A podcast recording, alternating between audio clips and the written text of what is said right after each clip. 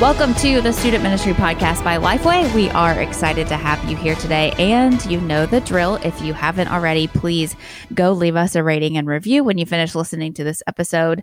Those ratings and reviews help us get better, they help other people find us. We really like to read them. We might even read yours on the next episode. Hey, everybody. I'm Ben Trueblood, and I am here today with Nathan Howard. What's up? And Katie Wiley. Hello for a conversation on three ways that your parents are the greatest asset in your student ministry. It's going to be a good one. Can't wait to get into it. And we're totally mixing things up today dethroning Ben from his host seat. He's actually going to be our guest. So Nathan and I are going to be firing questions at Ben. He's got a ton of student ministry experience, over 20 years in student ministry. And so we're excited to hear directly from him today. It's going to be different, new. I like it. We'll we'll see if we do it again, right? I guess we've got to we've got to earn our spot, Nathan. That's uh, right. That's no, I mean right. the other way around. It could be the worst guest experience we've ever had. All right. Well, let's just dive right in, right? Uh, so, today, like you said, we're going to talk about three ways that parents are one of your greatest assets in student ministry.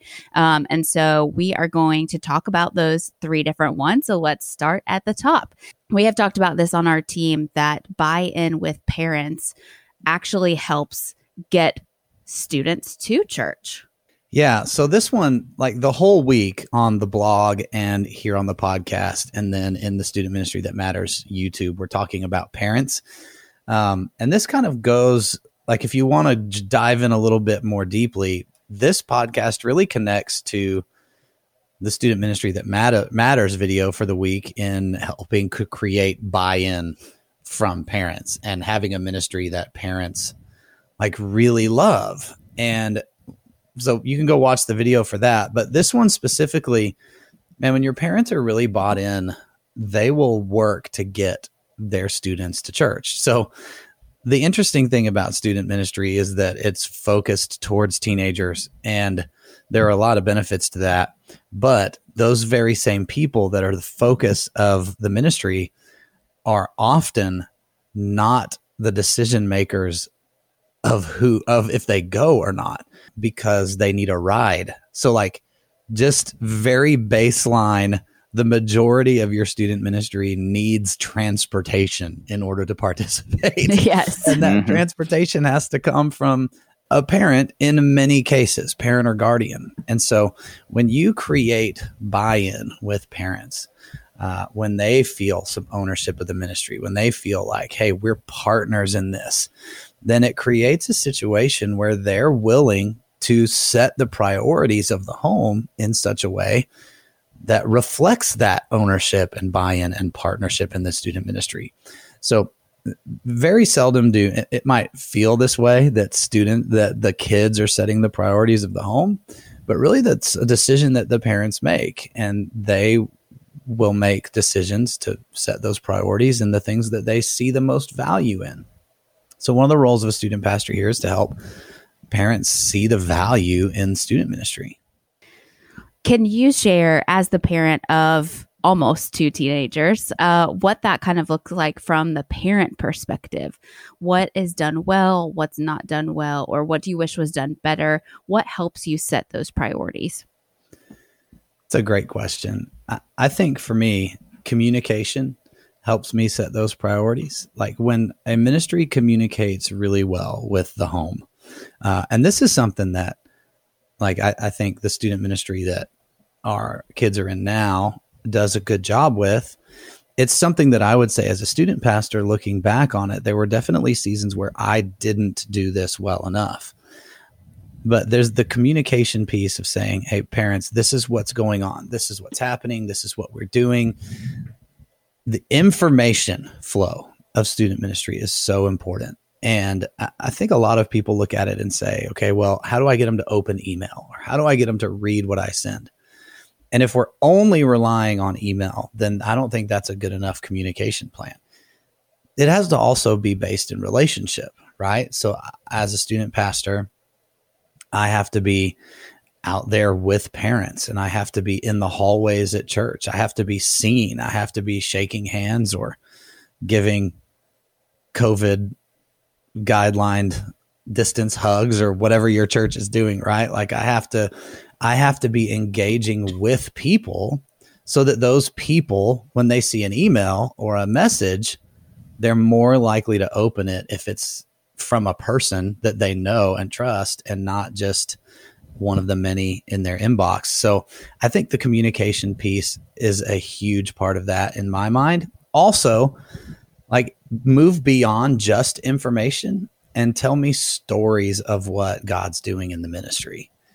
Like I think that is another key component here is I want to know the great things that are happening because they are. Like there are amazing things that are happening in student ministry share those. Don't be afraid to toot your own horn, I guess, so to speak. Like, and you're not even really saying, like, look, I'm a great leader because this is happening. You're sharing stories of cool things that are happening. Maybe highlight a small group leader and talk about something that's great that's happening in that small group. Uh, but those kinds of things help me as a parent say, man, this is there is activity here. There's energy here. God's doing something here. This is something that I should want to be a part of. Now, I mean, me answering questions in the parent role is a little bit different in this because having been a student pastor and serving in student ministry at Lifeway, like I, I care deeply about student ministry. And so, like, my baseline assumption is different than a lot of parents, I'm sure. But I can tell you that those two things, communicating well and uh, the telling stories and celebrating what God's doing in the student ministry will help get that buy in and make me say, like, man, I've really got to make sure my kids are there every time so that they're not missing something. And then the other side of that, too, is when I say got to make sure they're there every time, um, that's something that I prioritize and that we prioritize in our home. But there may come a moment where there's something else that we need to go do whether it's an activity or like a once a year like recital like something is going to come up right? And i i would want the student ministry to be supportive in that and not shaming in that. And even beyond supportive and into equipping and helping us as a family or my kids see that thing that they're going to be involved in as a place where they're a missionary so, hey, if you're going to be doing this activity during this season and you're going to miss these X amount of things, like we're not going to shun you. We're actually going to equip you to be a missionary in those environments, knowing that you're going to be back here as soon as you as soon as your schedule is able. So, I want to make sure and say like prioritization of student ministry does not mean prioritization of I have my kids there every time the doors open but that together, the student pastor and us as parents are saying, let's make disciples, which includes being a light in whatever room you're in. So if we just huddle in the church all the time, then the other side of that is that we never we never get out into the places where I think we're supposed to be in our culture. Yeah, that's really key. I, I had one follow up question to that. Obviously, uh, that that is a great perspective for families who are really involved in the church. What what would you say to student pastors who are also maybe looking at a group of of parents who aren't believers or who don't naturally yeah. prioritize church? How would your approach change for that? Yeah. So here, I think this is such a great question and something to consider. I think then the approach one is how do we equip this student to be a missionary in their home? Um, and then the other side of it is how can we build as a leader, how can we build relationships with those parents just so they know what's going on? Depending on the love, like they may have gone to church as a kid and just don't anymore, but they also might be parents who really have no religious history at all. And so just helping them see like that you're not a weird cult is an yeah. important step. Mm-hmm. I mean, because you may even have to explain what youth group is. Yes, that's totally true. So, like, meet them, give them a phone call, like, introduce yourself. As a parent, if I take off the I grew up in church and am, was also a, on staff, and I'm like, okay, I have zero to little religious background, I would still want to know the quote grown ups that are hanging around with my kids. Like I'm going to want to know the basketball coach. I'm going to Yeah. want to know the dance recite like the dance instructor. I'm going to want to know those things. I'm not going to, you know, I may not want to hang out with them all the time, but like I'm going to want to know who wants to be around my kids just because of the world that we live in. And so you as a student pastor can bridge that gap immediately and say, okay, I'm going to call your parents, just going to introduce myself. Hey, do you have any questions about our church? Have any questions about what we're doing?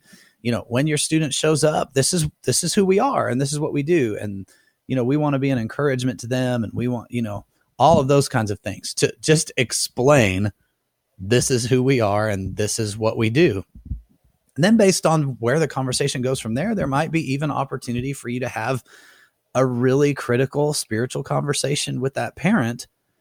I would not force it in that moment, but it, the door might open for that. At very least, you've begun a relationship with someone who may not know the Lord, and that's like that's always a good thing. Another aspect of parent ministry I think that's really important is it really does help give you an avenue for investing in the parents. And so a lot of times we hear the statement parents are the primary discipler of their students. But I think that sometimes can scare parents if they themselves haven't been discipled. So what would you say, Ben, in the looking at parent ministry, how can us as student ministry leaders, how can we help them in their discipleship journey and process along the way? Man, this is something that I'm actually uh, really passionate about right now because I was a student pastor for a long time and now I have teenagers in my home. And so now like the words you're a primary discipler of your kids like just ring differently than when I didn't have teenagers and they were little kids. Uh, and so one of the things that I've just said in other talks and things it's very different to pastor a teenager than it is to parent one uh, and learning that all the time. But I think one of the primary things uh, that I would like, how can a student ministry come alongside me is just to know, like, hey, you're praying for me. Like, that's a really key, important thing. And not just like a, hey, I pray for all my parents, but like an intentional, like I carve out this amount of time and I get out the roll sheet and I'm praying through these letters of the alphabet today and a quick note or text that says, Hey, I pray on Tuesday for this every week. And this week I'm praying for you. Like those kinds of things make all the difference in the world.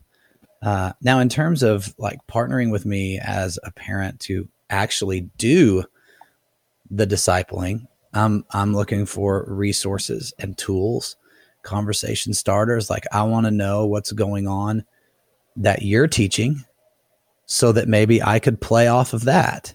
Mhm. Uh, so that maybe there are questions that I could ha- ask in the car on the way home or the next couple of days uh, as things come up in normal life. If I know that this is being taught in the student ministry in a broad sense, like again, I'm not looking for an outline of a message or a, or a small group lesson, but if I know generally where you're going, then I can be on the lookout to have conversations. Now, not all parents are going to be seminary trained uh, and will need a little more. And that's where I think we need to remember, and and this I think is the most important piece of this out, outside of the prayer is simple, scalable tools. Mhm. Like when we don't need to expect parents to all of a sudden like pick up a guitar and open their Bible and have like a 45 minute weird worship service with their kids in their living room. Like that's not going to happen uh, in the majority of homes.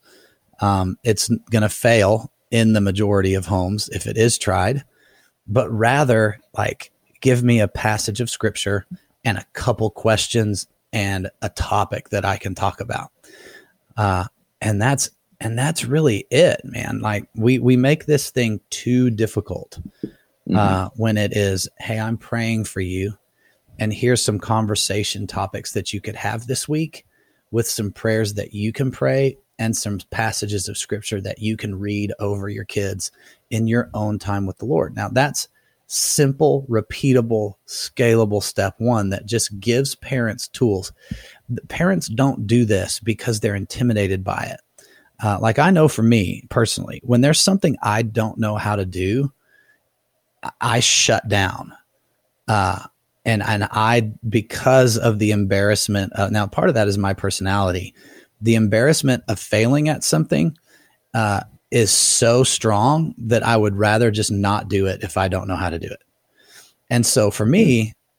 if I don't know how to do this, I'm just not going to. There's nothing that you can say that hmm. will change my mind on that. Well, but and if, t- teenagers are like a, not going to go easy on you on this no, either, right? No, like that's got to be super intimidating to start a conversation with a teenager if you're already feeling insecure about it. Yeah, and they're going to ask you weird questions, and it's going to go a hundred different directions. There's no way you could be prepared for what's going to happen next. So a lot of people just shut down. But if you give me really simple, repeatable tools and the freedom to say, I don't know, but let's mm-hmm. find out together, then I think you're helping a parent along. And then the next step of that, I think, is so like if that's layer two, like if it's prayer is layer one, and this simple, repeatable structure of resource that's layer two, then layer three would actually be saying, Hey, Ben, I know that you have a 15 year old. I'm going to gather some other dads who are, or couples together or whatever, of other, you know, 14 to 16 year olds that are parenting in the same phase of life. And I just want to meet with y'all once a month, twice a month. And then you actually just disciple them that you're teaching them how to take God's word, how to read it, how to talk about it. And you're upfront with them like, hey, this is why I want to do this. I want to help you do this with your kids.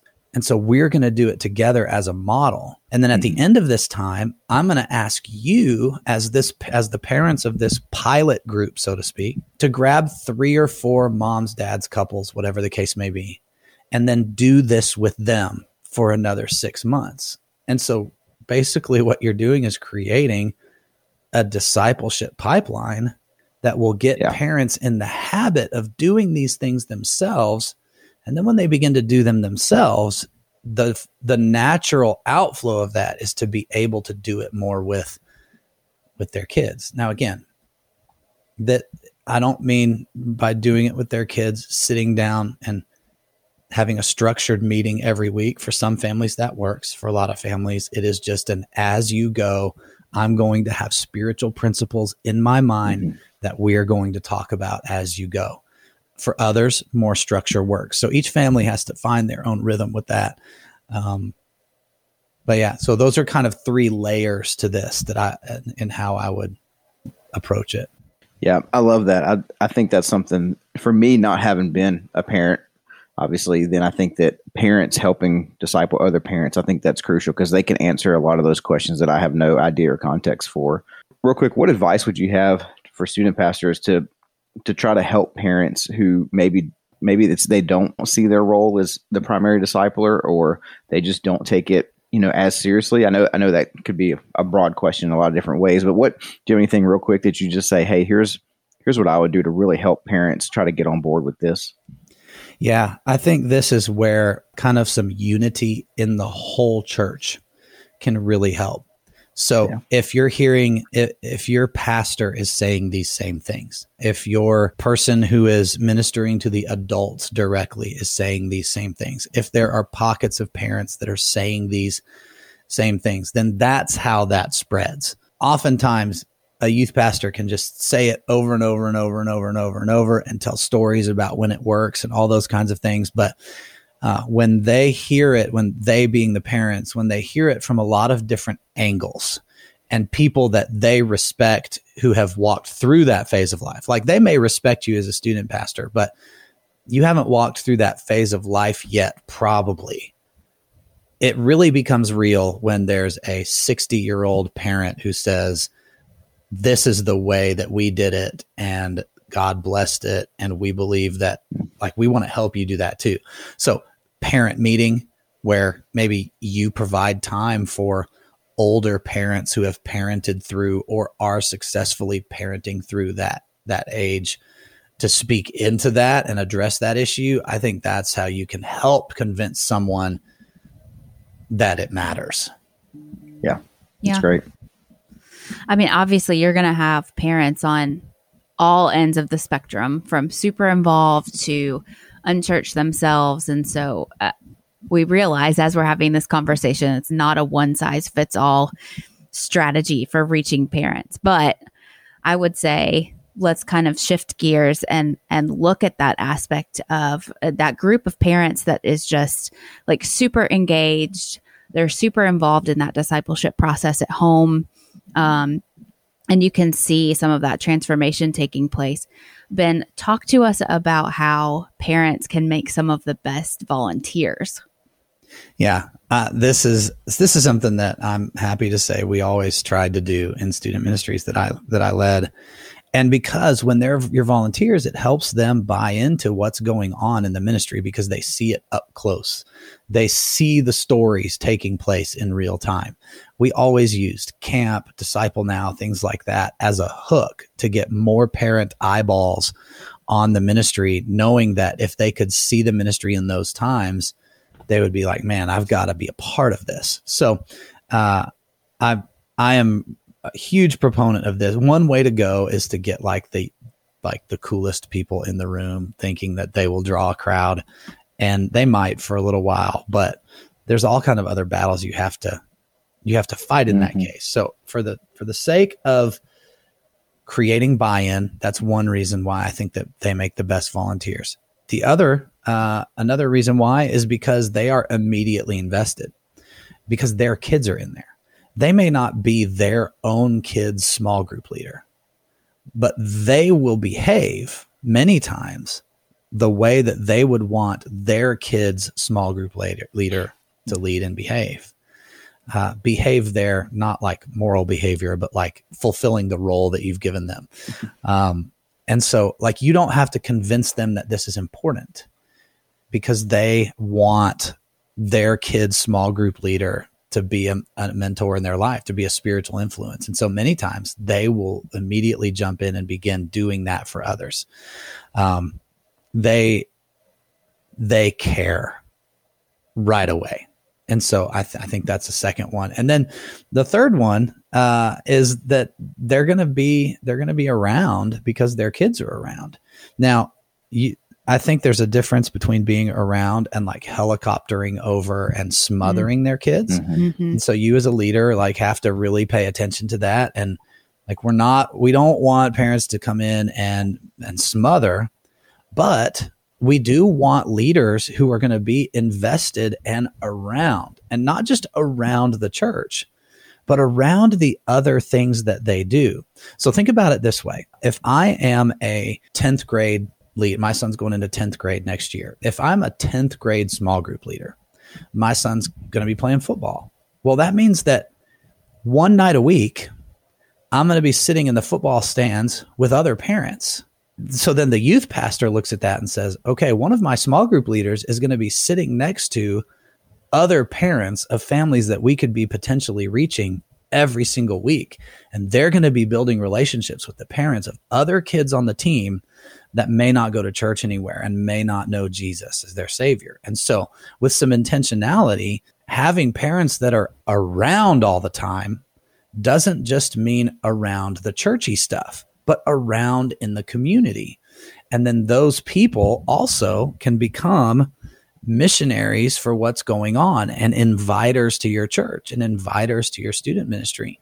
And I think that's an underutilized aspect of parents being involved in student ministry is not just seeing their role as something that happens on Sunday morning or on Tuesday night in your home group, but actually when you're out in the community too. When you when the family next to you at the football game stands up and cheers for their son or that just made a play, then you can say, "Oh, hey," and that can begin a relationship that could lead mm-hmm. to hey, where do you guys go to church? I teach a 10th grade group. You might, you know, you want my son's down there too. And there are a lot of connections. I use football as an example because that is a real thing for me in the next year. But sub in whatever activity it is, right? Like volleyball or band or whatever. Hey, that's my kid down there with the tuba. Like it doesn't like it doesn't matter what the activity mm-hmm. is. The principle of kind of turning that megaphone around, so to speak, and your parents who are also bought into the ministry and leading groups can be an incredible influence in the community. I really love that because I think so often we think of that. All right, we've got to have this. We want this small group leader. We want them to spend all this time with students outside of it, going to games, those kind of things. And so if they maybe they're you know a, a younger parent, but they have kids like in the kids ministry, well, that's even more time away from their family or those kind of things. I love how you put this, Ben. That it's just time that parents are the parents in the student ministry, they're already there going to be doing that. So why not bring Jesus into what you're already doing, which I feel like is kind of what the Bible talks a lot about. so that's exactly right. Yeah. Multiply your outreach efforts. I love it. that's right. Well, hey, one of the things Ben talked about was having a resource to equip parents at home. And um, it might be no surprise that we would love to help you with that. One of the resources we have is called Parent Partner. And with Parent Partner, you can plan and schedule a month of parent ministry content at a time. We want to make it easier than ever for you. Obviously, there are lots of other things that go into parent ministry besides emails, but this is going to help you set those up really easily, get tools into parents' hands so that they can make the most of four different um, critical conversation times during, during the week meals, car rides, uh, sports practices, all that kind of stuff. So for $15.99 a month, Parent Partner provides you with customizable digital monthly content to send directly to parents to help them make the most of those discipleship moments. Uh, when parents feel prepared to disciple their teenagers, we think that everybody wins. So to learn more about that and subscribe, you can visit lifeway.com slash parent partner. This has been another episode of the Student Ministry Podcast by Lifeway. We will see you next week.